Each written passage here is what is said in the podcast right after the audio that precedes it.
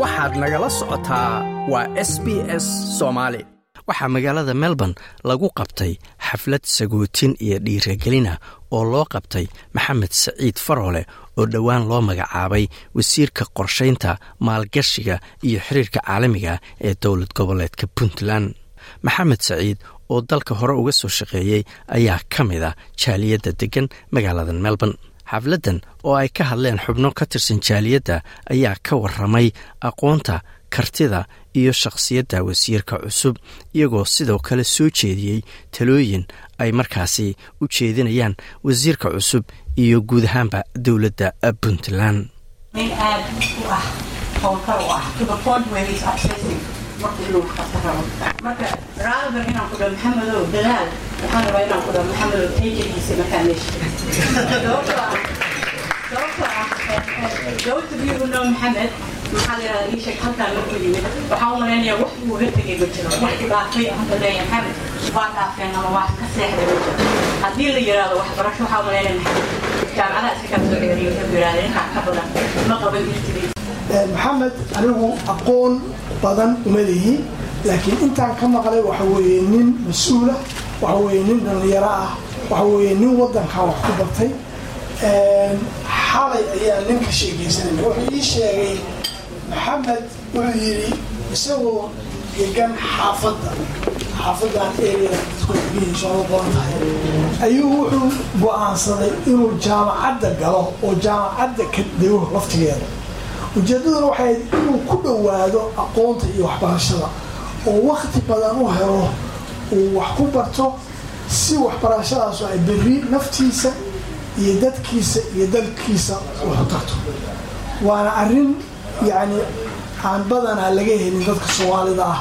Sababtoo ah waxaa laga yaabaa inuu qofku waxyaalo badan oo isaga gaaro ah uu ku mashquulsan yahay marka laga hadlaayo xagga waxbarashada waa wax fiican waxaan rajaynaynaa in mas'uuliyadda loo dhiibay waa qorshaynta uu wax badan ummadda soomaalida ugu qabto khaasatan dhallinyarada. Waxaan qabaa qorshayntu in ay inay dejin karto barnaamij dadka reer puntland wax loogu qabto oo laga fekero maxaa dan u noqon karaa qorshe ahaan. Keliya maaha maanta laakiin in la sameeyo barnaamij taxana ah oo wax u qaban kara ummadda reer puntland. Dhallinyaradaa ka mid ah. Wasiirkeenna maxamed siciid faroole waxaan leeyahay wasiir hambalyo hambalyaan leeyahay marka hore ilaahayna ha kugu asturo xilkan lagu egmaday sideedaba mas'uuliyaddu mas'uuliyaddu waxa weeye mas'uuliyaddu waa ammaano ammaanadana sida shiikhu inoo sheegayay dee diintana waxay ka tiri waynu garanaynaa waa culus tahay. Hase ahaatee qofna way ku culus tahay qofna way u fudud tahay ammaanadu de qofkii xilku dhibayo mas'uuliyaddu waa wax weyn weeye. Qofkii xilku dhibayo oo dee ilaahay ka baqayo xishoonaya waa ku cuslaanaysaa laakiin ilaahay u fuduyaan leenahay. Qofkii aan xil ku dhimayn isagu de waxa weeye oo kaga dhigaya hali maalin bay ceed joogtay kaasi waa iyadu waa ulo kale. Marka waxaan leenahay ilaahay ha kuu fududeeyo ilaahay ha kaaga dhigo kii ay ku cuslaato laakiin ilaahay u fududeeyo. Anigu waxaan rabaa hal fariin keliya inaan diro oo ka duwan fariimihii odayaashu dirayeen fariintaasi waxa weeye puntland si aynu la soconno waxa la sameeyey asaaskeeda wuxuu ahaa sagaashan iyo sideeddii xukuumaddii ugu horreysay ee cabdulaahi yuusuf allah u markii loo dhiibay ballantu waxay ahayd in doorka ku xiga uu noqdo hal cod iyo hal qof waxaan la soconnaa oynu ognahay muddaan saa u sii fogayn waa la tijaabiyey. Saddexdii degmo ee lagu tijaabiyey waxaynu ka ogaanay sida dadka reer puntland ay ugu heelan yihiin ama baahida ay u qabaan in nidaamkaasi hirgalo diyaarna ay ugu yihiin.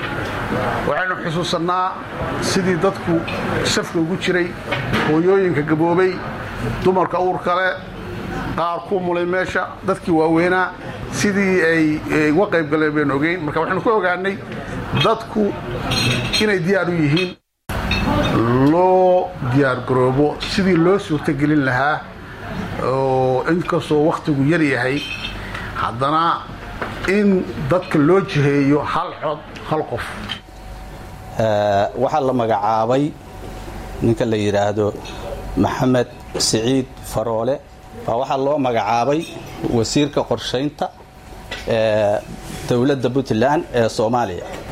Isla markaana waxaa ku soo ku soo degdegay safar waxay noqotay inu dhaqso u baxo. Barnaamijkan iyo shirkani wuxuu ku saabsan yahay arrintaas. Runtii waxaa farxad noo ah gaar ahaan jaaliyad ahaan puntland inaan caaway aan ku leenahay dowladda puntland wasiir runtiina ah wasiirka ugu shaqo badan ama ugu dhaqdhaqaaqa badan dowladda aad baan arintaa u soo dhaweynaynaa waxaana ugu mahad celinayaa madaxweynaha dowladda puntland dr. Siciid cabdulaahi deni inuu noo gartay una gartay siciid maxamed siciid arintaas aan isku soo dhaweynaynaa runtii waa laga soo hadlay odayaasha ayaa ka soo hadlay iyo gabdhaba maxamed siciid noloshiisii dhammaan waxqabadkiisii iyo aqoontiisiiba. Wax dambo hadda haray oo aan ku dari doonno halkaas ma jirtaan u malaynaya ruaantii shaqadaas waxaan u aragnaa inuu yahay nin ka soo bixi kara.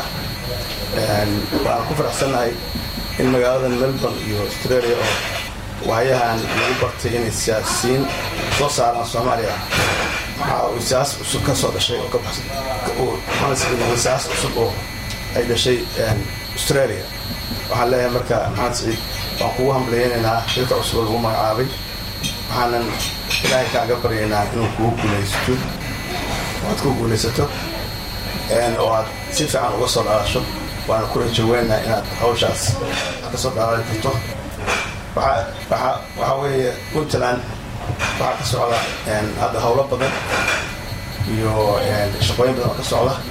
Marka waxaan marka u gudbinaynaa fariinta. Aan gudbinayna waxaa weeye maxamed siciid inuu fariintaas gudbiyo. Waxaan ka codsanaynaa anuu fariinta aan gudbina waxa weye waxaan ka codsanaynaa dowladda puntland iyo shacabka puntland in puntland ay hor u socoto gadaal u noqon. Waxaan u malaynayaa hadalkaas macnaha ku jira in la fahmi karo. Puntland waxay u baahan tahay inay hor u socoto labaatan sana ayay jirsatay hadda iyo ka badan waxyaaba badan baana puntland hadda laga qaban karaa puntland marka horaha loo wadayaan dib loo celiyo arrintaas baan u gudbinaynaa faynta koowaad aan gudbinayno maxaan si udhegeyno aan rabnaa inuu si qaado waxaan kaloo maxamed siciid mudda kuu yaqaan horena uga soo shaqeeyey nin deegaanka puntland hore u shaqeey wey shaqadan garanaya weeye shaqada loo dhigana wasaarad wasaaradda loo dhigo wasaarad muhiima weeye oo howla howlaha badan wadankana qayb badan ka ah. Waxaan rajeynaya marka wasaaraddiisa inuu ilaahay ku asturo waxaan noqday nin daacadnimo ugu shaqeeya soo gashay saa u gasha weeye waxaan rajeynaya mustaqbalka siyaasadda inuu ilaahay uga noqdo mid wanaagsan oo si fiican uga soo baxo sababtay waa la dardaarmayaa waa xilka lagu dhiibay sidai lagu dhiibay aad qabato ummadda soomaalida si cadaalad ugu shaqayso especially reer puntland dalkaaga dadkaada u dhiibso waxaa wixii puntland ka jiran aad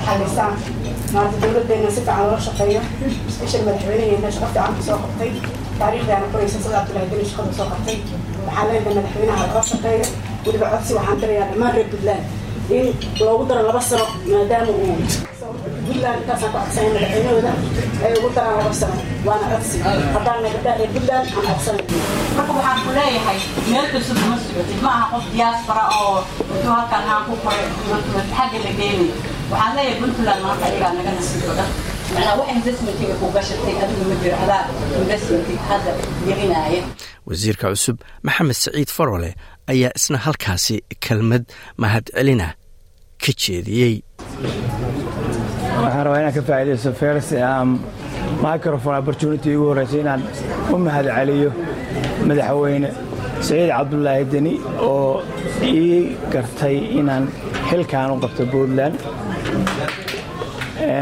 Madaxweynuhuna waxa weye wuxuu igu doortay waxa weeye cv-gayga soolle wuxuu igu doortay waxa weeye inaan wasaaraddaas iyo mas'uuliyaddaas aan ahay ninka soo bixi kara. Idinkuna haatan meesha ka qirteen marka madaxweyne waan u mahad celinayaa mahadsanid madaxweyne. Marka labaad waxaan rabaa inaan dhammaan dadkii ka soo shaqeeyay xafladdan sharaftaloo sida fiican ii sharaftay oo ii karaamaysay oo soo hagaajiyo oo soo abaabuliyo ka soo shaqeeyey inaan u mahadnaqo. Waxaan kaloo si guud ugu mahadnaqayaa dhammaan ka soo qaybgalayaasha xafladda oo waxaa moodaa meelban oo dhan inay meesha timaadayoo si fiicana ay maaragtay testimonial iga bixisay oo la ii soo dhoweeyey aan layna sagootinayo safar baan ahay caawo waddankii baan aadayaa. Ma rabo inaan maaragtay aan khudbadda ku dheeraado. Waxaan rabaa inaan dhammaan idiin sheego puntland inuu ka socdo isbeddel. Isbeddelkaas oo ah in hayaankii maaragtay dimuqraatisationka puntland uu ka bilowday lana doonayo inay noqoto mid haddii alla idmo ku guulaysanno oo one man wafood ay dhacdo puntland. Sida aan ugu haysanno australia oo kale inaannu freedom u leenahay inaan codkaygo qof walba u dhiibto. Aanu ka shaqaynayno in ay noqoto one man wafood aakhirkana soomaaliya oo dhan ay gaadho maaragtay one man wafoodka haddii alla idmo like aas la wadaag wax ka dheh lana soco barta facebooka ee sb s soomaali